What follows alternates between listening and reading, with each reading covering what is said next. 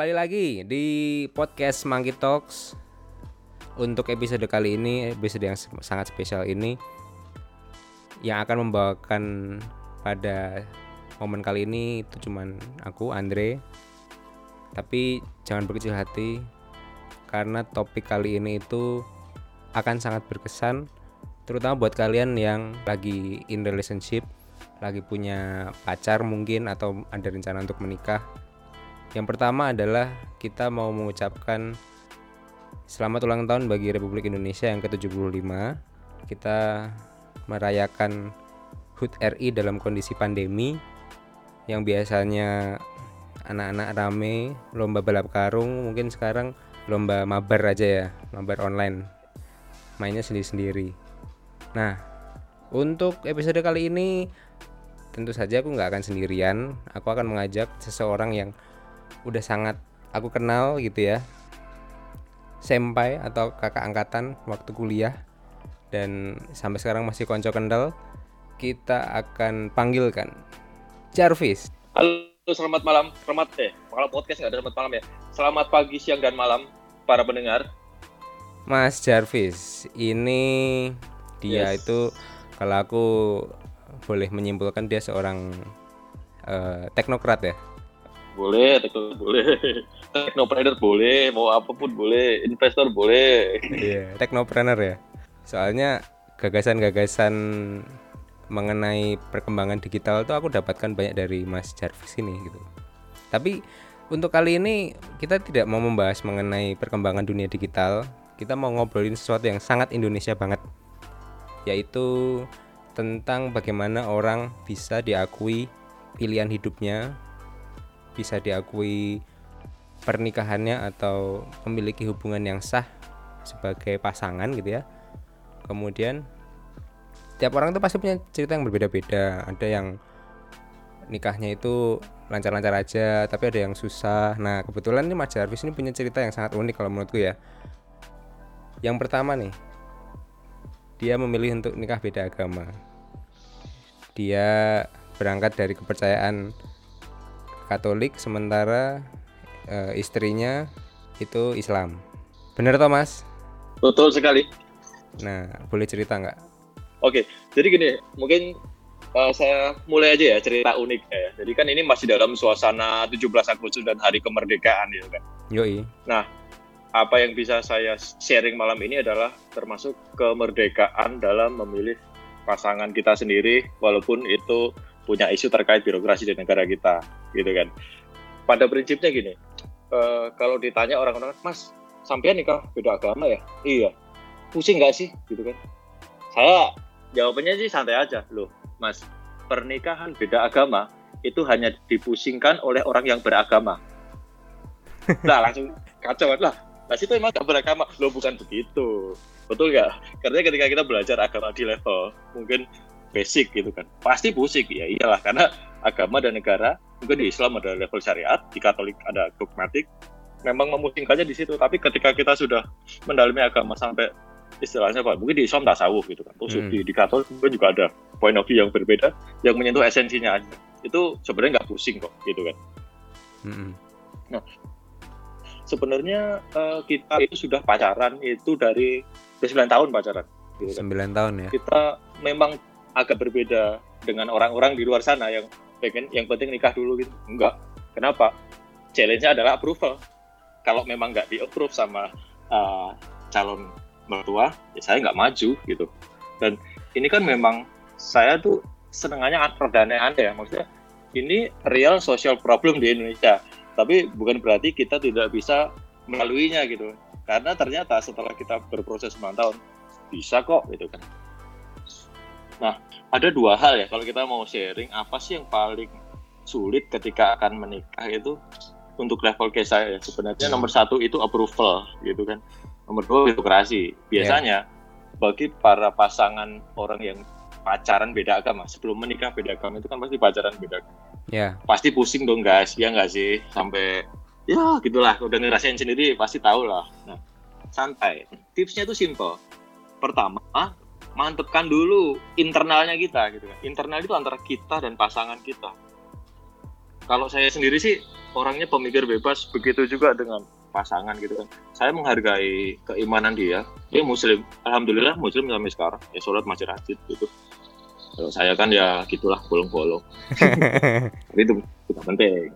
Ya kan? Yoi. Nah, internal artinya kita mau menikah sama pasangan itu caranya gimana? Dalam case saya kita memang beda masing-masing gitu kan. Karena domain urusan agama itu antara pribadi kita yang di atas gitu. Nah setelah kita clear mau seagama nggak nikahnya kalau dalam hal ini eh, kita ujungnya akan masing-masing aja. Berarti baru kita masuk ke berikutnya fase eksternal Febri sama masyarakat. Kalau kita terabas tanpa memetakan itu pasti pusingnya berlayer-layer. Jadi kayak kita harus bongkar kulit luarnya level 1 selesai. Nanti maju lagi level 2 selesai. Sampai di level eh, bikin kakak pun nanti ada ceritanya tuh. Nah singkat cerita setelah kita pacaran 9 tahun akhirnya calon mertua mengapprove lah ya kan? Kalian sudah dewasa oke. Nah ketika kita di approve itu eh, kita eh, melanjutkan proses itu sebenarnya agak ribet. Kenapa? Indonesia itu masih terhalang pernikahan beda agama pada Undang-Undang Pernikahan 1 nomor 74 gitu kan. Mm. Jadi undang-undang undang-undang ini adalah mengatur setiap warga negara yang akan menikah. Di Indonesia sedikit unik dibandingkan negara lain. Kenapa? Karena eh, ini sebenarnya kalau mau dibabar panjang banget nih. Cuman saya gampang aja ya. Kalau mau nikah di Indonesia, eh, negara akan mencatat setelah agama mengapprove gitu kan. Ya jadinya nikahnya pakai agama mana dulu. Nah itu yang jadi masalah. Kalau kita bongkar pernikahan beda agama itu macam-macam ya. Mm-mm. Muslim non Muslim, terus kemudian ada Muslim dengan Kristen, ada lagi eh, Muslim dengan Katolik, dengan Hindu, gitu kan pusing lah.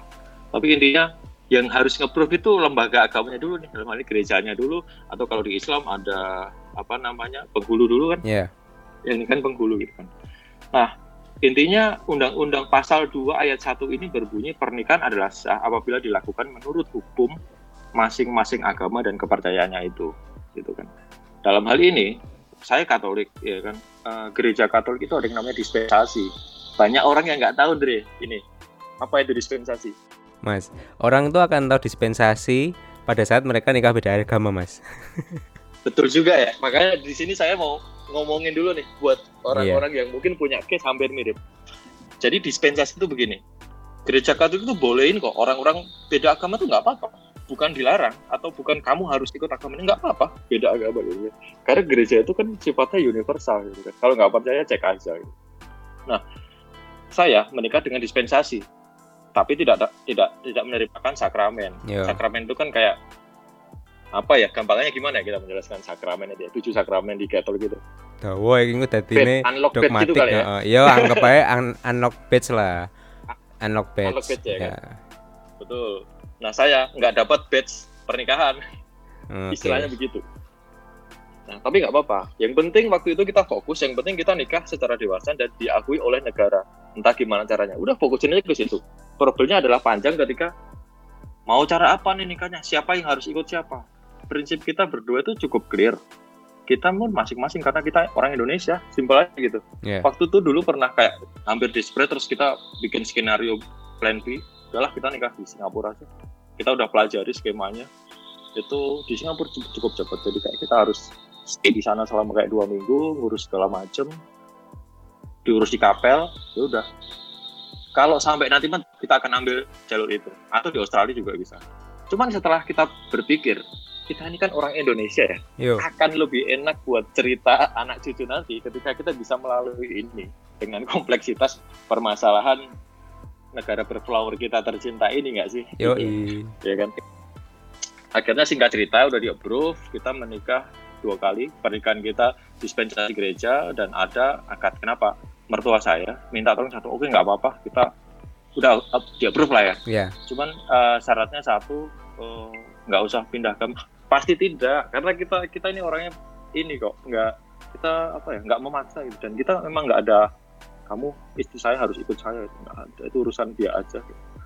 nah terus intinya bapaknya pengen salaman. Ya udah kita bikinin ada ustadz yang bisa membantu. Akhirnya menggunakan dua cara case close. Eh sorry belum close. Ya kan? Cash close pada tahap itu, pada stage itu ya. pada stage itu sih clear. Akhirnya kita menikah dari catatan sipil tidak tidak dengan cara Islam maksudnya tidak melalui KUA gitu kan. Karena KUA mana yang membolehkan nikah beda agama pasti nggak ada. Kalau di Katolik bisa ya udah kita pakai cara itu. Istri tetap Islam saya tetap Katolik. Guys close. Uh, negara mensahkan melalui melalui surat nikah. That's it simbol itu. Hmm.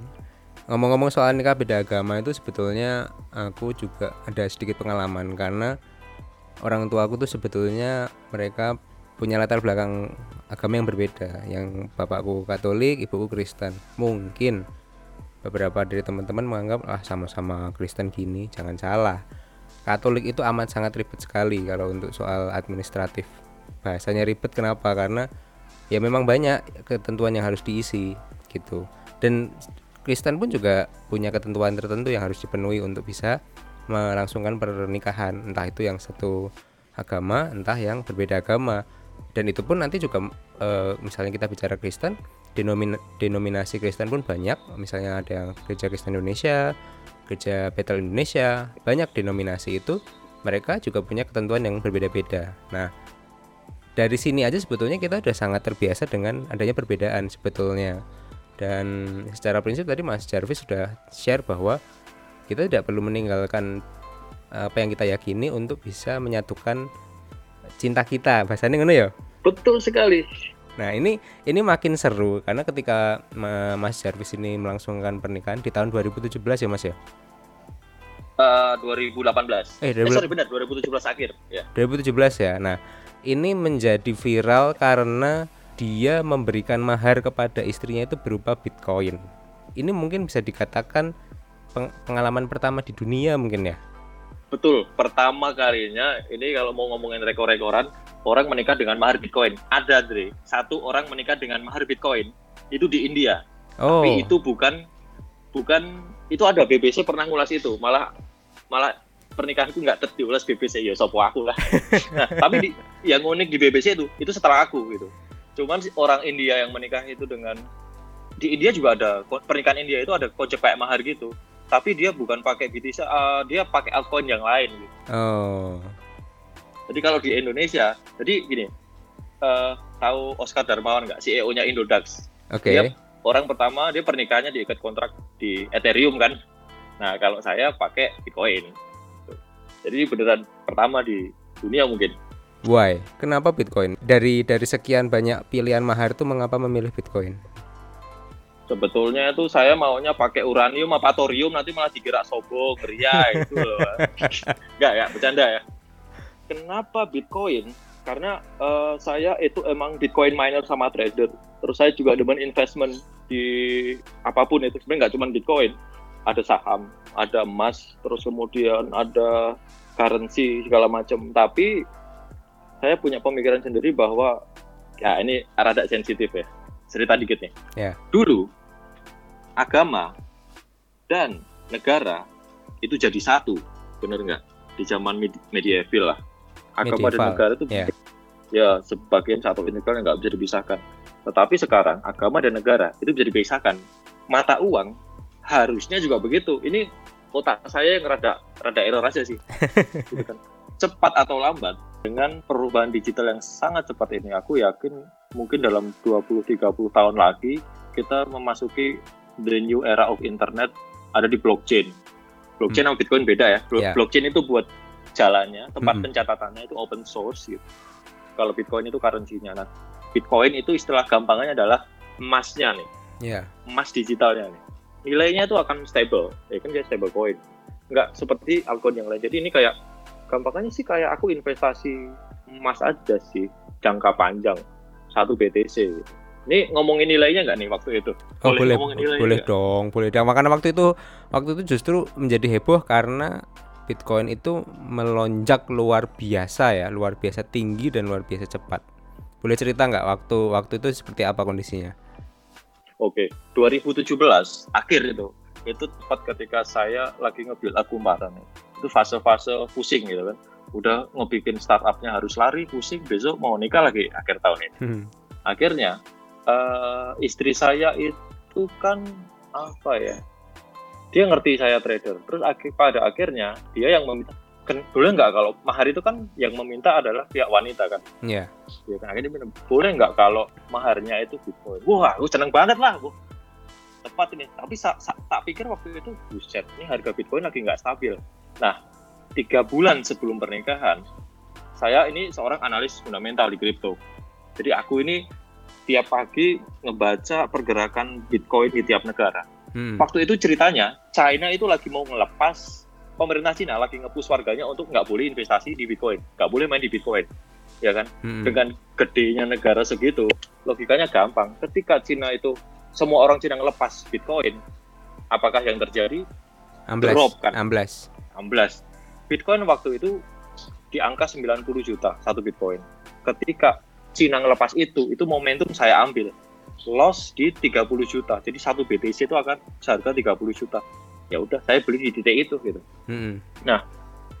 Cuman aku yakin dan mungkin kayak 95% lah, 5% error gitu. Itu bisa meleset cuman dengan China yang segede itu tuh aku yakin itu momentum pump and dump-nya pas banget. Jadi ketika saya nikah di Desember itu saya ambil di November itu di 30 juta. Desember naik lagi jadi 90 juta. Gitu kan. Cuan. Jadi saya udah untung berapa kali itu? Beli 30, naiknya di 90. Gitu kan. Nah, setelah Desember, Januari naik lagi 100 juta, Iya. 150 juta, 200 juta, 250 juta di titik terakhir itu sekitar 270 kalau di rupiah itu 200 290 jutaan gitu. Iya. Itu titik tertinggi Bitcoin. Kira-kira gitu sih. Nah, tapi temen saya bilang, buset tuh kalau misalkan loss, loss beneran ya? Ya iyalah, namanya juga gambling. Gitu Iya. kok pede ya? Karena gini, kita itu dianugerahi eh, analis apa ya pola pola untuk berpikir. Kalau kita yakin planning kita, saya orangnya sangat ngeplan banget sih. Yakin loh pasti gak, gak ketutup. Makanya pede aja gitu. Kira-kira short story sih gitu. Jadi buat teman-teman kalau misalnya kalian seorang yang suka tantangan atau lagi mendalami tentang Bitcoin atau altcoin kan banyak ya, nggak cuma Bitcoin aja. Ya ini sudah ada yang pernah mendahului sebagai mahar ya. Sekarang kayaknya aku tadi sempat googling gitu ya. Sepertinya ada beberapa orang yang meniru jejakmu mas, menggunakan mahar Oh ada ya? altcoin Udah sebagai gak pernah googling googling lagi. Ya, ya ya gampang aja. Teman-teman kalau penasaran ini orangnya kayak gimana, ketik aja mahar Bitcoin udah penelusuran hasil paling pertama ya itulah Mas Service. Fajar di pernikahan Bitcoin, wah jejak digitalnya tertangkap ya. Iya, udah itu Lumayan udah bus buat cerita anak cucu. top rank udah SERP-nya udah paling atas gitu kan. Oh iya, ini satu lagi yang mungkin bisa di-share ya. Kenapa sih orang bilang, wah gila lu bisa jadi viral gitu gimana caranya? Nah gini teman-teman, saya dan istri itu background itu sama-sama marketing gitu kan. Mm-mm. Nah, salah satu wishlist kita itu adalah kalau biasanya kerjaan kita adalah bikin campaign yang viral buat brand, kerjaan. Ya masa kitanya sendiri nggak pernah sih seumur hidup sekali lah at least. Nah itulah kita ambil momentum itu. Jadi wishlist dalam hidup centang udah pernah viral gitu lah Jadi milestone ya. itu jadi milestone nah, jadi kalau saya ingat itu dibuka keyword buset engagementnya buat sepuluh ribu lebih seratus ribu di Kaskus ada di Reddit ada di YouTube yang akun-akun cloningan itu ada. Dan sampai sekarang saya tuh masih ditelepon. Ada teman kerja di TV setiap tahun tuh ya itu itu aja. Per- mahar pernikahan paling fenomenal apa-apa yang kayak model on the spot gitulah jadi evergreen content. Jadi kalau anak-anak agent itu bilang, wah viral itu result, viral itu nggak bisa kita predik. Aku ketawa aja lah, aku iso kok ngopo sih. Cuman sampein aja nggak ngerti caranya. Ya karena kombinasinya nggak cuman nggak cuman authenticity tetapi juga kenekatan yang tingkat tinggi sih Mas. Masalahnya kuy Mas. Betul. Dan mom momentum juga sih, Iya. harus pas. Iya betul. Nah itu tadi kan cerita happy-nya ya dengan mahar Betul, Bitcoin, terus dapat exposure-nya tuh bahkan bertahun-tahun setelah menikah pun orang masih tahu lah ya paling nggak aware ini eh, orang yang pertama kali menggunakan mahar Bitcoin di Indonesia. Nah kita coba bergeser ke kehidupan pasca pernikahan ya. Setelah menikah Iya. gitu kan, ya kalau aku sendiri waktu lalu setelah menikah langsung ngurus dokumen-dokumen ya Eh, Ya. waktu itu aku putuskan untuk misalnya udah kita satu alamat aja ambil rumah ambil alamat rumah orang tua karena waktu itu menikah di Jogja tapi eh, berdomisili di, di- apa namanya Jabodetabek gitu ya kita pilih kita pilih untuk kita menggunakan alamat kakak yang di Jogja dulu untuk memudahkan proses transisi atau perpindahan. Kalau untuk di sini kan belum menetap kita kontraktor kan kerjaannya ngontrak gitu kan. Iya, iya, iya. pindah-pindah gitu kan. Ya wis neng yo Jose terus ya udah kita proses segala macam. Ya semudah-mudahnya memproses ya aku menikah dengan istriku yang sama-sama Katolik. Kemudian eh, secara domisili atau apa namanya lokasi itu cuma kayak beda kecamatan gitu ya cuma jarak 2 kilo gitu kan. Jadi untuk mengurus suratnya itu bisa dikatakan levelnya very easy lah. Sangat mudah ya tinggal meluangkan waktu mengurus dari level RT RW kelurahan kecamatan menunggu waktu. Dan waktu itu eh, bisa dikatakan aku bisa mengatakan bahwa sistem birokrasi di kota Yogyakarta itu cukup andal. Dalam arti kalau dia mengatakan oh nanti prosesnya begini waktunya sekian tidak dikenakan biaya. Semuanya sesuai. Sesuai itu gitu tidak ada tidak ada deviasi itu yang ter- yang aku alami ya nah si Mas Jarvis ini punya pengalaman yang berbeda nih. Dia pernah cerita bahkan untuk ngurus kartu keluarga itu belum beres. Nah aku penasaran itu ceritanya biye Nah, ini ceritanya lucu sebenarnya. Kalau selama ini kan kita kenal netizen Indonesia karakternya tuh gimana ya di sosial media ya, Hmm, yang receh, terus kemudian eh, ego, terus kemudian kepoan. Ini bayangan netizen Indonesia tuh ada di versi offline-nya di birokrasi kota masing-masing. Oke, Gitu. oke Jadi singkat cerita kan saya sudah menetap di saya Hmm, cabutlah KTP kakak saya dari Jogja, istri di Semarang, bisa kan? Begitu udah dicabut, kan kita memasukkan itu ke eh, apa namanya kota yang tempat kita baru yang kita tinggal di ya gitu kan. Nah, begitu udah masuk oke lah. Ceritanya saya titipkan salah satu itu dari RT, udah lapor RT itu tempat fine, nggak ada masalah gitu kan.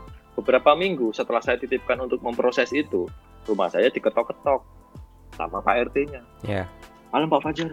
Wah, kenapa Pak? Ada yang bisa saya bantu gitu? "Eh, mohon maaf nih, kayaknya apa namanya kakaknya nggak di approve eh nggak di approve maksud lo gimana nggak di approve kan saya udah tinggal di sini udah dicabut dari Jogja juga. Eh jadi eh, Bu Lurahnya nggak mau tanda tangan. Nah kenapa Pak? Karena menurut dia pernikahan Pak Fajar itu nggak sah. Buset. Kok bisa gitu ya? Eh, ini saya balikin lagi eh, mohon maaf boleh ngobrol langsung aja sama Bu Lurahnya. Oke. Yang begini-begini nih saya demen banget nih Eh, kebetulan istri juga seneng ribut kan? Bukan ribut dalam artian cari solusi.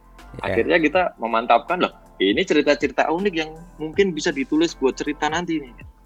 Oke lah singkat cerita besoknya saya ke kelurahan ketemu sama bu lurahnya ya kan? Bu lurahnya masih muda mungkin lebih muda dari saya. Mungkin fresh grade lurah gitu lah ya. Brasket lurah. Aduh ya ya ya. Oke. Bu lurahnya saya sampai ke situ terus saya tanya bu kenapa tidak di approve? Loh ini pernikahannya kok bisa ya? Kok bisa lolos ya? Maksudnya gimana? Lah ini kan eh, istri ikut bapak kan? Tapi masih Islam oh enggak. Istri saya alhamdulillah masih muslim sampai sekarang. Terus bapak Islam bukan. Saya katolik kok bisa? Kok bisa. Yang ngeproof siapa? Itu di situ siapa? Catatan sipil kan? Betul. Kok bisa ya? Nah bentar, bentar. akhirnya singkat cerita Bu Lurah ini sebenarnya cuma kepo kok bisa sih gitu. Ya nggak bisa kan gitu kan. Akhirnya diskusinya mentok dia minta tolong stafnya untuk urusan disduk capil Hmm, masih staf kelurahan expertnya lah gitu kan. Ya Skill pasti harus ada expertnya di level expert itu dia ditanya pernikahannya ininya sah nggak? Ya sah. Oh nggak ada suratnya. Pernikahannya gimana ya waktu itu ya, ya gimana apanya? Kok bisa nikah beda agama? Dan memangnya selama ini nggak bisa ya? Gitu. akhirnya si expertnya ini pun mentok gitu. Loh terus gimana? Jadi dokumen saya itu masih cangkut di di Dukcapil eh, kota yang di jalan ya kan? Terus apa namanya si expert itu akhirnya menyerah dan menyerahkan ke pihak uh, di Dukcapil eh, Pemkot gitu kan. Hmm, udahlah kita sekalian ngurus ke sana dan cari jalan terang nih kok iso begini gitu kan. Ya Nah, ketemu si pejabat apa sih? Lupa aku namanya. Pejabat pokoknya pejabat di Dukcapil gitu lah. ya Akhirnya kita susah banget ketemu ini Bapak. Udah waktunya susah. Tapi kita jadinya kita yang butuh gitu kan. Ya, memang kita yang butuh sih. Cuma harusnya nggak begitulah, nggak nggak panjang gitu. Akhirnya singkat cerita kita ketemu pejabat uh, di Dukcapilnya duduklah kita dihadapkan ke monitor TV gede ya kan terus kita singkat cerita dikuliahin juga. Ini pernikahannya sah atau enggak? Oke. Pertanyaannya masih kembali ke situ ya. Intinya kakak itu tidak bisa keluar karena kita menikah beda agama. Jadi di, di kakak itu harus satu agama. Ketika kita tanya undang-undangnya apa? Yang mengharuskan itu siapa? Itu deadlock. Nggak bisa dijelaskan. Kenapa? Karena ketika saya bertanya isunya di mana, si Bapak pejabat ini menjelaskan di Undang-Undang Pernikahan tahun 74 yang sudah kita bahas tadi. Hmm. Which is Undang-Undang Pernikahan 74 itu mengatur uh, pernikahan itu sah bila dilakukan bila udah di-approve oleh agama. Nah, terus saya balik dong. Pak, kenapa kita jadi mundur satu langkah ya? Ini kan kita urusannya mau bikin kakak. Betul, tapi pernikahan ini kan nggak sah. Menurut siapa? lah kan harusnya situ istrinya Katolik lah yang mengharuskan siapa gitu kan kan jadi lucu lah menurut undang-undang tahun 74 lah undang-undang tahun 74 kan kalau kita mau menikah ini kan kita sudah menikah yang ngeproof siapa? Loh kok tanyanya gitu? Loh lucu ini pak. Loh yang ngeproof kan di capil instansi bapak sendiri yang ngeproof. Loh kan jadi lucu loh. Itu itu kondisi lapangan sosial isu di Indonesia gitu kan. Loh kok bisa di approve ya? Loh mana saya tahu itu instansi bapak. Kok bisa bocor? Kok bisa? Pertanyaan jadi ke mana-mana kan jadi fokusnya kita mau bikin kakak jadi ngapain ngurusin pernikahan yang sudah sah gitu iya yeah. hmm. itu beneran terjadi dan ketika kita cari tahu kenapa apa yang terjadi si bapak itu coba uh, ngurus ke pengadilan negeri agama dulu buset nah, dalam hati saya ketawa-ketawa eh, kita ditowo urusannya tapi kita memang orang yang suka isu kan istri juga kebetulan suka ribut jadi oke okay, kita cari tahu pengadilan negeri agama oke. Hari berikutnya ke situ. Terus saya di pengad, kantor pengadilan agama itu ditanya ada masalah apa pak? Mau cerai atau mau talak tiga atau pak? Enggak ada. Saya disuruh nanya pernikahan saya sah atau enggak? Gitu. Terus dalam hati dia baca kan dia pelajari hmm, ini kan udah ada suratnya ya? Udah di dikeluarkan di dukcapil kan? Ya udah harusnya udah sah dong. Terus masalahnya apa? Loh saya nggak ngerti saya sama pejabat di Dukcapilnya disuruh di sini. Oke saya balik lagi dong ke bapak pejabat yang hilang-hilangan ini waktunya nggak bisa dipegang juga. Nah sampai di sana dari di Dukcapil kayaknya ya bahasa orang malesnya sih kita dilempar-lempar ya. Tapi memang gitu kenyataannya. Intinya kita tidak bisa mendapatkan jawaban. Why-nya itu nggak kejawab. Kenapa? Karena why-nya itu dia langsung tiba-tiba mundur lagi satu step ke belakang ke masalah undang-undang pernikahan 74 yang mana itu kan mengatur orang yang akan menikah dan bukan orang yang mau bikin kakak orang mau bikin kakak kayaknya nggak ada undang-undangnya juga sih nah ini ini dalam arti saya dalam hati berpikir Indonesia ini kapan merdekanya ya kita ini harusnya jadi orang merdeka termasuk memilih pasangan kita tetapi birokrasi itu tidak mengizinkan point of view-nya harus seagama. Ini sosial isu ya. Saya nggak ngerti di negara eh, negara lain. Di Daerah kantor kelurahan lain gimana? Gimana ceritanya? Nggak punya KTP, nggak punya kakak. Di kakak mengharuskan ini apa agamanya itu sama. Ini kan against kebebasan kita dalam memeluk agama kan, kan begitu. Tapi intinya begitu. Mas Jarvis tuh pernah nemu kasus yang serupa nggak sih? Misalnya ada orang yang nah, kamu kenal atau piye? Yang yang menarik, saya dan istri kan sama-sama pemikir bebas ya, sama-sama tukang ngulik juga.